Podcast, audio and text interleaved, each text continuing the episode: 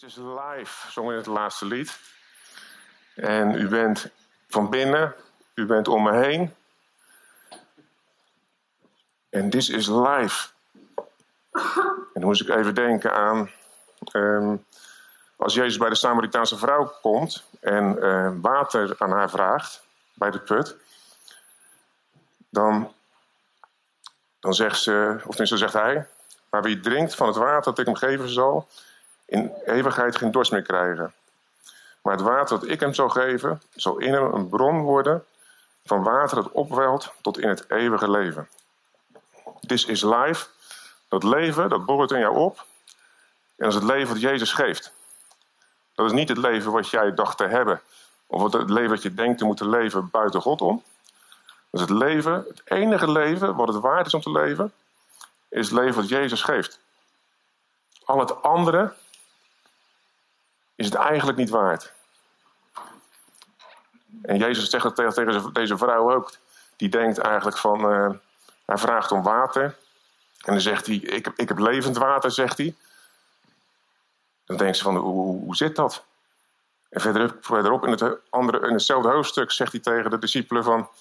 ehm, ik hou mijn voedsel uit het woord van God. Dan denken ze, oh, heeft iemand anders al eten gebracht dan? Dus ze zijn zo in het, in het fysieke bezig met water brengen en eten brengen, terwijl Jezus het over geestelijke dingen heeft. En die geestelijke, geestelijke dingen die komen van binnenuit. Die kan je niet altijd vastpakken. Die moet je ervaren, die moet je ontvangen. En het mooie is, is dat het gratis is. Het is er voor jou. Het is gekocht en betaald. Je mag het zo pakken uit de etalage. Is dat mooi of niet? We gaan aansluiten op vorige week. Toen hebben we over gaven gesproken. En ehm, ik had wat huiswerk meegegeven. Allemaal gemaakt. Dit waren twee vragen die ik eh, in, de, in, de, ja, in jullie midden neergelegd heb. En die twee vragen, dat zijn wat voor waarde, dat is de eerste vraag. Wat voor waarde heeft het voor jou te weten dat hij je onvoorwaardelijk lief heeft? Dat is natuurlijk eh, wat we heel veel horen en waar misschien soms zelfs zouden gedacht hebben van ja, dat weet ik nu wel. En dan is mijn vraag, maar wat is jouw, wat voor waarde hecht jij daar dan aan, aan die woorden? En dat gaat gewoon lekker dichtbij, hè? Dus wie heeft erover nagedacht en kan er wat over zeggen? Allemaal tegelijk. Dan zeg ik wat over. Nee maar ik vertrouw erop dat jullie gewoon even nadenken. En dat is heel belangrijk, want ehm, jouw geloofsleven is niet het zondags naar de kerk gaan. Jouw geloofsleven is de overtuiging die je in je hart hebt. Is de overtuiging dat Jezus van je houdt. En dat van daaruit je mag gaan bewegen. Dus dat is een één op één met jou en Jezus. Dat is niet een één op één met ehm, je omgeving of met, met, met je geloofsgenoten. Het helpt wel, maar uiteindelijk, jouw persoonlijke relatie met Jezus, daar is dit een hele belangrijke factor in. Wat voor waarde heeft het voor jou? Geef hem gewoon weer mee als huiswerk, want het is gewoon een permanente vraag. En hij gaat ook gewoon door deze preek als rode draad eh, gelden. Want het zou kunnen dat je er geen waarde aan hecht. Dus niet, hè, zoals Kees zegt, niet hier natuurlijk. Het zou kunnen dat je er geen waarde aan hecht. En dan is alles wat jij doet, is ehm, in een effort om je best te doen. Om erbij te horen. Om geliefd te raken. Want het is niet alleen dat we net zongen van... Ehm, ik ben zo geliefd. Hè, dat zongen we net. Maar ik ben zo onvoorwaardelijk geliefd. Is het. Ik ben onvoorwaardelijk geliefd. Het heeft niets te maken met jou... ehm, ja, eigenlijk met wie jij bent. Het heeft te maken met wie je bent geworden. En dat is echt super belangrijk. Want dat betekent dat het ouder weg is. Hoef je niet meer op te letten. En dat je vanuit het nieuwe mag gaan leven. Nou, dat betekent dat voor mij. Doe je voordeel mee. Tweede vraag. En dat is ook weer wat dichtbij komt. Want het gaat over het hart. Denk je concreet na over wat Jezus in je hart heeft gelegd. De afgelopen twee preken die, die, eh, die, fixeerde zich een beetje over, op het uh, gaven- en talentenverhaal. En we komen in de gemeente en we hebben bepaalde ideeën erbij. Maar zitten we dan in, in ontvangstmoot? Of zeggen we van, ik geloof dat God iets op mijn hart heeft gelegd. En als je dat uh, nog niet kan zeggen, of nog nooit jezelf afgevraagd hebt, dan moet je dat gewoon gaan doen. Dan mag je daar gewoon in gebed in gaan. Lees je Bijbel, bid elke dag, uh, heette het vroeger, tegenwoordig heet het mediteren. Je gewoon in gebed gaan. En dan mag je gewoon zeggen, Jezus, wat, wat heb u nou voor mij op mijn hart? Dat mag je gewoon vragen. Want het mooie is, hij heeft het daar echt al neergelegd. Alleen wij moeten het nog een beetje ontdekken. Want vorige week hadden het over die mist, hè, waar we wel eens naar uitkijken. Dat verderop is die mist. En dan denk je van, daar kan ik niks zien. Maar dat is niet waar, want als je verder reist, die mist in, dan kan je nog prima zien. daar waar jij bent, kan je prima zien. En zo is het in jouw hart ook. In jouw hart lijkt soms ook een mist. Als je denkt van, nou, ik snap er geen bal van. Hoe moet het nou? Maar het is daar. En het is duidelijk. En vraag gewoon uitleg aan Jezus. Praat gewoon met hem. Hij wil graag jou daarin uh, helpen. Nog de volgende sheet denk ik op.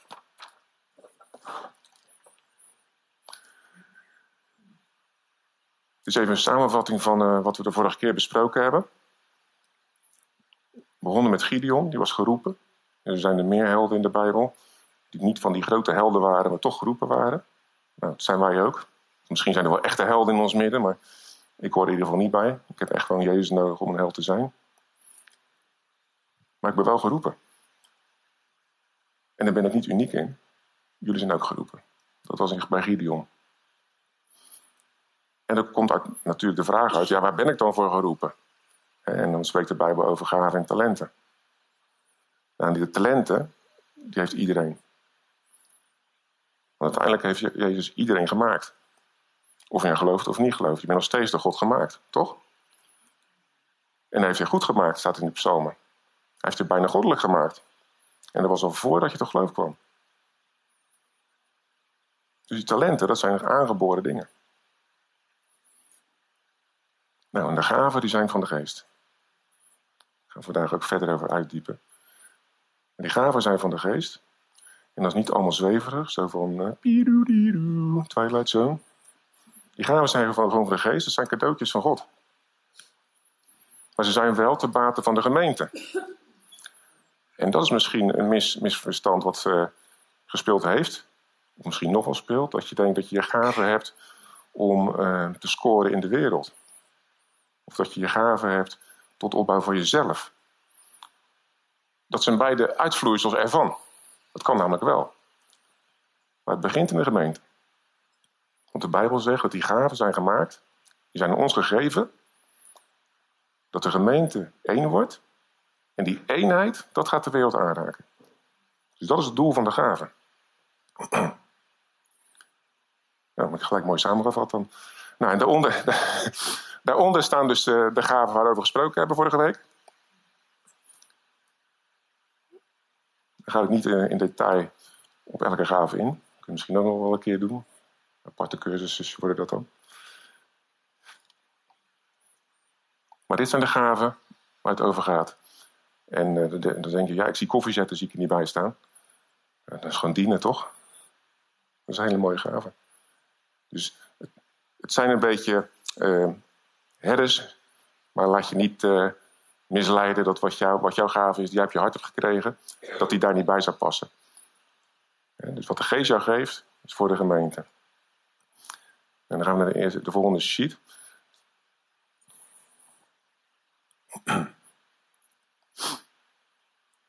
Timotheus 4:14. Veel achtzaam de genadegave in u niet, die u krachtens een profetenwoord geschonken is, om de handoplegging van de gezamenlijke oudsten. En dat verder achtzame, dat uh, is eigenlijk, uh, ja, dat is niet zoveel kan schelen. Dat je het uh, negeert, dat je er geen acht op slaat, dat je het ja, niet zo belangrijk vindt, eigenlijk, heel simpel gezegd. En dit is niet de enige tekst die dit zegt. Er zijn heel veel teksten die letterlijk zeggen: veronachtzaam niet wat er in jouw hart gelegd is.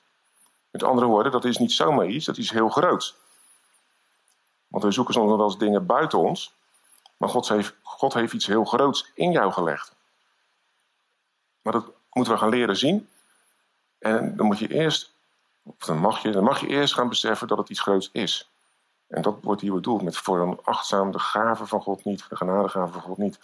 En, en ik wil jullie dat uh, illustreren. En daar heb ik, uh, daar heb ik hulp voor nodig. En dat gaan we nu even doen. Niet schrikken.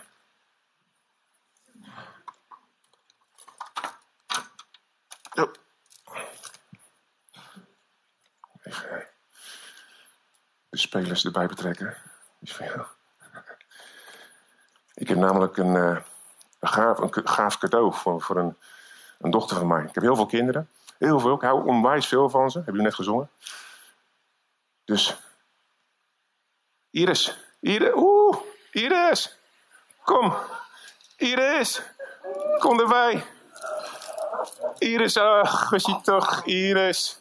Mijn papa. Wat ziet er mooi uit. Fantastisch. Je hebt voor je verjaardag gehad, hè? Dat is mooi. Ja, dat, dat ben ik ook heel erg lief. Ja, dat is mooi. Zeg. Wat zie je er mooi? Ja, nog mag nog niet kijken. Ik heb een cadeautje voor je. Ik heb een cadeautje voor je. Ja, je mag even, even, even wachten, even wachten, ja. Ja, ik, ik heb een cadeautje voor. Maar het, het, vraagt wat. Even wachten nog. Ik, ja, even, even, even wachten nog. Ik moet nog wat uit. Ik wil wat uitleggen nog. Ik wil, wacht, wacht even, wacht even. Wacht even.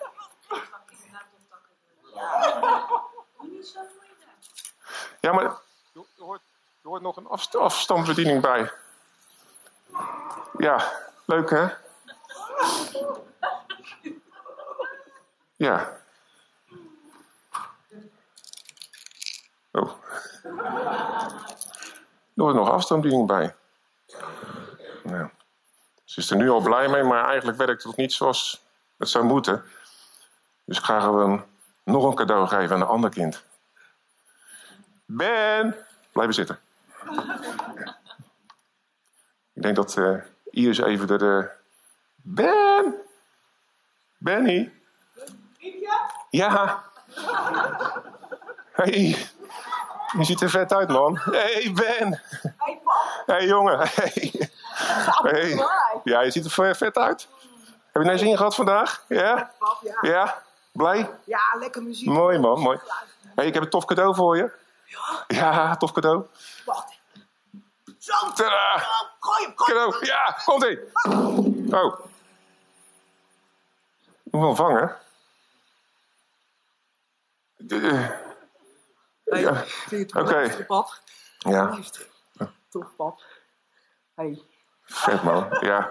ja, geen cadeautje dan maar. Oh, nee. het is veel toffer, veel vetter. Ja, dit is wel heel erg vet natuurlijk, had ik je niet moeten geven. Ja. Maar ja, oké, nou, bedankt Ben.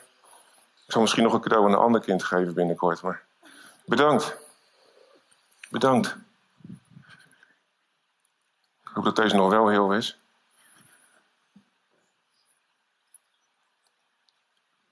Leonie.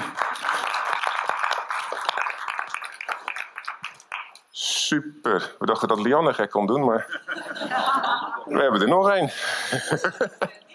Helemaal goed. Nee hoor, best stoer, best spannend. Helemaal goed. Helemaal leuk. En ehm want eigenlijk natuurlijk, eh, nou ja, wat, wat, schetsen we hier nou eigenlijk? Hè? Ehm, we zijn een genadegemeente, daar zijn we trots op. Maar met het uitdelen van de genade hebben we het eigenlijk, eh, of we, sommigen soms, hebben het ontvangen. Dachten van, wauw, dit is het. En eh, we gaan ervoor. En, en dit is het. En eh, wauw, helemaal gaaf. Terwijl er eigenlijk een stuk onderwijs bij hoort. Terwijl er eigenlijk toch wel een handleiding bij hoort. Want Paulus zegt die voor niks van die genade is niet om maar alles te gaan doen wat je, wat je denkt dat goed is. Dat is een stukje handleiding. Dat is een stukje uitleg. En we zijn er in de verschillende gemeentes mee vandoor gegaan. Alsof we het allemaal snappen. Nou, Jozef Prins, die, die, die preekt het al twintig jaar of zo. Die zegt van, ik snap maar zo'n stukje ervan. Dus het zou in dat geval een beetje hoogmoedig zijn om te zeggen van, nou, wij snappen het allemaal al. Maar je ziet, het wordt aangenomen. We rennen ermee weg als van dit is het. En uiteindelijk missen we soms nog een stukje. En het geeft niet. Maar kom even tot jezelf en uh, weet dat er een gezond onderwijs bij hoort. Want ook die genade is namelijk voor de gemeente gegeven. Onder andere. En um, Ben, dat is anders de andere uiterste, het kind. Die had eigenlijk niet echt oog voor het gift van genade. Viel op de grond, pakte het niet eens op. En, nou ik heb mijn koptelefoon. Ik heb nog een oude jas ergens, zit ook goed. Laat maar joh, komt wel goed. Komt allemaal goed. Ik vind het ook prima. Dat is wel herkenbaar, hij was ook altijd tevreden overal mee. Makkelijk tevreden te stellen. En dat zijn twee vormen van veronachtzame. Dat zijn twee vormen van niet op waarde inschatten wat God in ons hart heeft neergelegd met die genade. En ik denk dat de volgende sheet is. ja, die eerste sheet hebben, we het net over gesproken. Die tweede sheet, dat is Romeinen 5, eh, vanaf uh, 5 vers 15. En nog even helemaal lezen.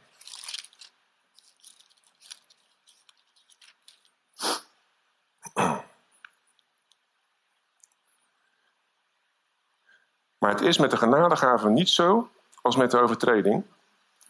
Want als door de overtreding van de ene velen gestorven zijn, veel meer is de genade van God en de gave die door de genade, die door de genade die er is door de ene mens, Jezus Christus, overvloedig geweest over velen. En het is met de gave niet zoals, met, zoals het was door de ene die zondigde, Adam. Want de veroordeling leidde ten gevolge van één overtreding wel tot verdoemenis, maar de genadegave bij vele overtredingen tot rechtvaardiging. Dus die genadegave, dat is die onvoorwaardelijke liefde van God, van Jezus, die die in ons hart heeft uitgestort, die ons rechtvaardigt, die ons reinigt, die ons heiligt. Het is eigenlijk een, een basis voor ons leven. En, en, en die eerste vraag die, die, ik stelde van vorige week, van wat, is, wat, wat voor waarde hecht jij eraan dat Jezus jou onvoorwaardelijk lief heeft? Dat is eigenlijk dezelfde vraag als wat voor waarde hecht jij eraan dat jou alles onvoorwaardelijk geschonken is? Dus je hebt een baan, zeg maar. Je gaat eigenlijk nooit naar je werk. En je krijgt toch betaald. Wie wil ook zo'n baan? ik wil ook zo'n baan. Maar dat is het eigenlijk. Je ontvangt het om niet en het bouwt je op. Het, het, bouwt je, we vorige week gesproken dat het een gebouw is waar we bouwen daarmee. Je bouwt het op. En uh, het is niet zo dat, dat je. Um, laat ik zo zeggen. Het cadeau wat je ontvangen hebt, de gave die je ontvangen hebt, die is volledig. Die is niet met maten. Die is met een volle maat, overlopende maat, volledig in je leven uitgestort. Die is niet, God heeft niet een, stukje gegeven. En dat je denkt van, oh dat is mooi en nu ga ik dan uh, dat proberen te doen en dan krijg ik meer. Hij heeft je alles gegeven en je mag stukje bij beetje ontvangen. En dat klinkt hetzelfde, maar dat is wezenlijk anders. Bij het een moet je de voorraadkast vullen, bij de ander mag je eruit strekken. Want de voorraadkast is vol. Vol van genade, vol van leven voor je leven. En dat is essentieel. Is essentieel. En hoe ga je daarmee om met die genadegave? Dat staat in in 2 Timotheus. We moeten, we moeten de genadegave aanbakkeren. Nou, in de grondtekst staat er een onuitspreekbaar woord. Maar als je dat terugkijkt, ja, ik probeer het trouwens te zeggen, maar dat is niet zo'n succes.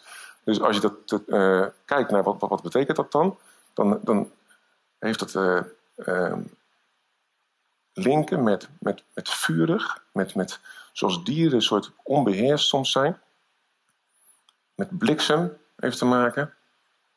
En de King James die vat het dan samen als een levendig, fiery fire, een, vurig vuur, een fel vuur. Dat is wat in jou mag gaan ontstaan. Dus je hebt die genadegave al. Je hebt het volle pakket ontvangen. Maar het is niet noodzakelijk al een vuur in jou. En dat is omdat we op ontdekkingstocht zijn van wat betekent het nou. Want we zien heel veel dingen om ons heen. Die, uh, ja, die proberen dat te ontkrachten wat jij gehad hebt, wat jij gekregen hebt. Die proberen jou een twijfelen te maken. Van nou, geliefd, uh, je doet nog van alles fout. En dan mag je weer zeggen, nee, want het is onvoorwaardelijk. En ja, ik doe nog dingen fout. Maar Gods liefde is onvoorwaardelijk voor mij. En de vraag was, wat betekent het voor jou dat God jou onvoorwaardelijk lief heeft? Dat is een vraag die mag echt gewoon door je hoofd zingen. Want hoe meer uh, we dat gaan ontdekken, dan gaan we ook andere dingen ontdekken.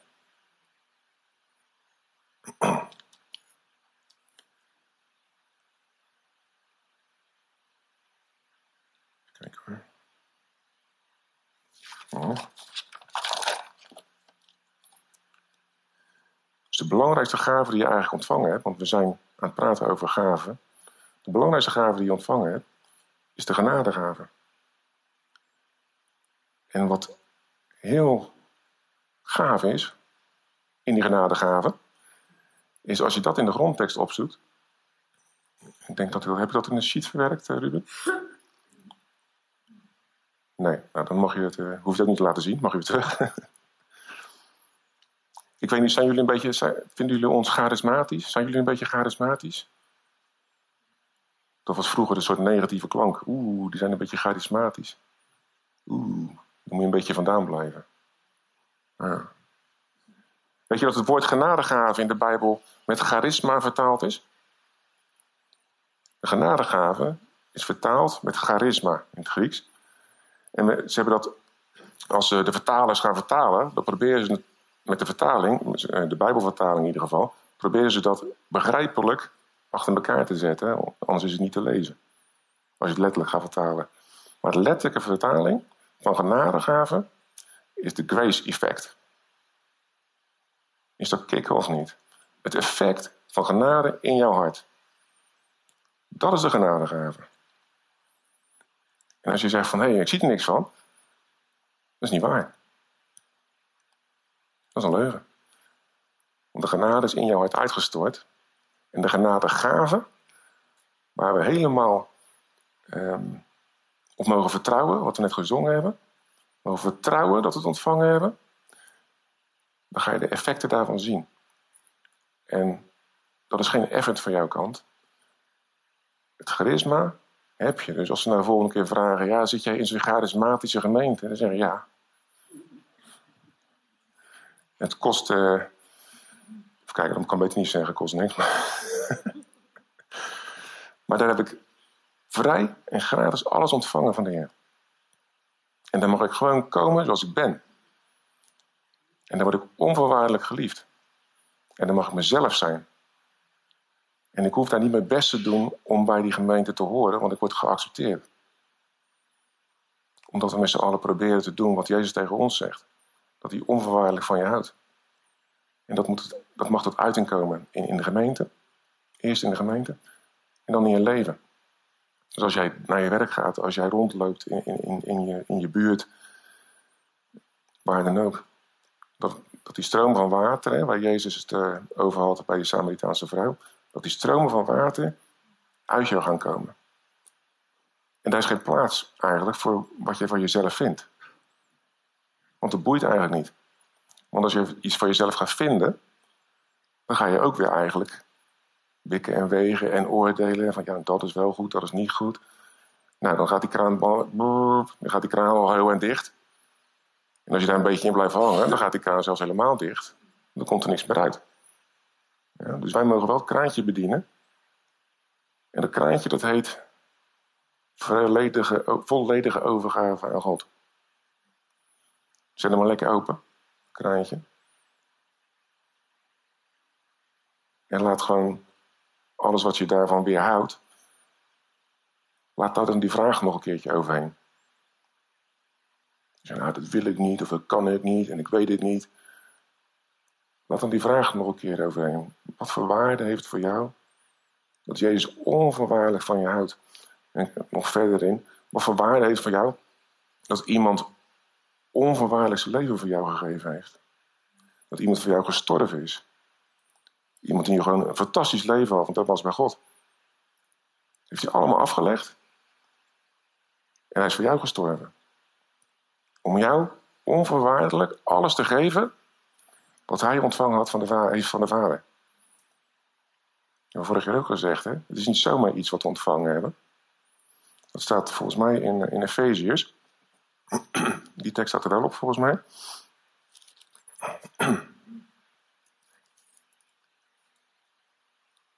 Efeziërs 1, 19 en 20. Daar staat het.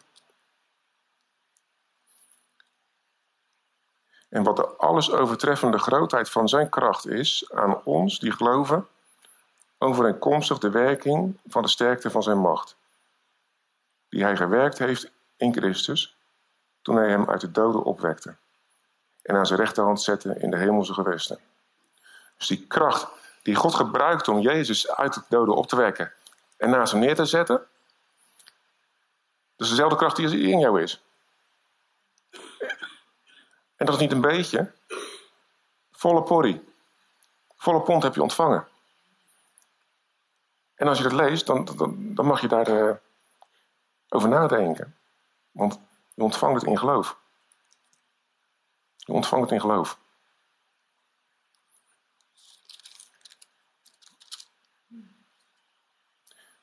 Efeziërs 3.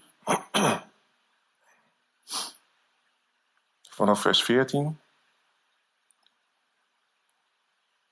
Er staat om deze reden buig ik mijn knieën voor de Vader van onze Heer Jezus Christus, naar wie elke geslacht in de hemel, de hemelen en op de aarde genoemd wordt.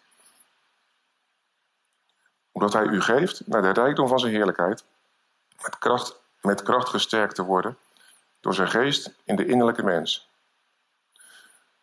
Omdat Christus door het geloof in uw harten woont en u in liefde geworteld en gefundeerd bent opdat u ten volle zou begrijpen, met alle heiligen, wat de breedte en de lengte en de diepte en de hoogte is. En u de liefde van Christus zou kennen. Die kennis te boven gaat, opdat u vervuld zou worden tot heel de volheid van God. Hem nu, die bij machten is, te doen, ver boven alles wat wij bidden of denken, overeenkomstig de kracht die in ons werkbaar, werkzaam is.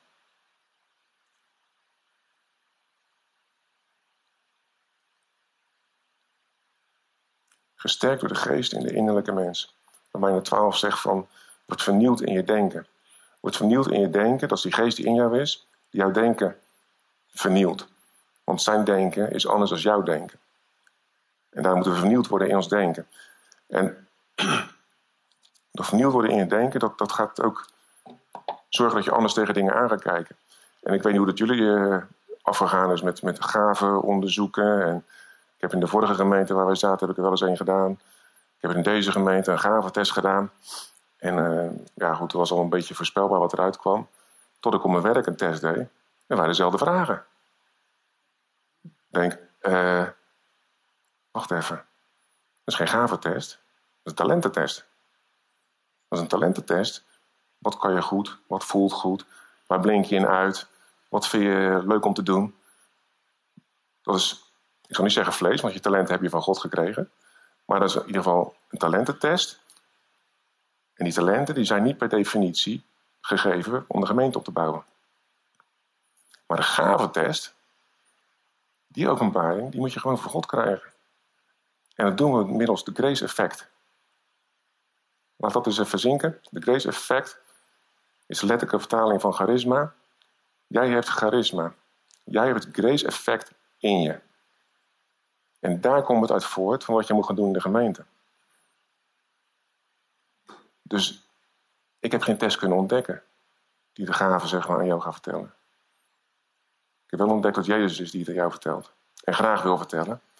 Dat betekent dat je in vertrouwen op Hem mag gaan functioneren. Want ook, dat is ook natuurlijk als jij een, een, talenten slash gaventest gaat doen, denk oh oké, oké, koffiezet is mijn ding. Ik ga vanaf nu koffie zetten. En ga je op zo goed mogelijk doen als dat je kan. Daar zit al eigenlijk een, een weging in. Snap je? Maar als je gewoon gaat bewegen, omdat God het op je hart heeft gelegd. Vraag 2 van vorige week. Wat geloof je dat God op je hart heeft gelegd? Dan ga je het doen. En dan ga je niet naar jezelf kijken van doe ik het wel goed, doe ik het niet goed. En dan zul je ook zien dat in de gemeente dat gaat functioneren. En dat is eigenlijk, hoe ontdek ik mijn gaven? Hoe ontdek ik mijn gaven is gewoon Jezus ontdekken. Jezus in jou ontdekken. Ik wou dat ik het ingewikkelder kon maken, want dat spreekt misschien meer aan. Maar het is echt maar heel simpel. Ontdek je gaven door, door Jezus op de eerste plek in je hart te zetten. Ontvang het geloof wat Jezus voor je heeft. Om die dingen echt te gaan geloven voor jou. Geloof dat je bijzonder bent. Geloof dat je goed gemaakt bent. Geloof dat je genezen bent. En geloof dat je vrij gemaakt bent. En niet vrij om te doen wat je wilt. Je vrij om Jezus te volgen. Om te helpen de gemeente te bouwen. En daarmee de wereld te bereiken uiteindelijk. Is dat gaaf of niet?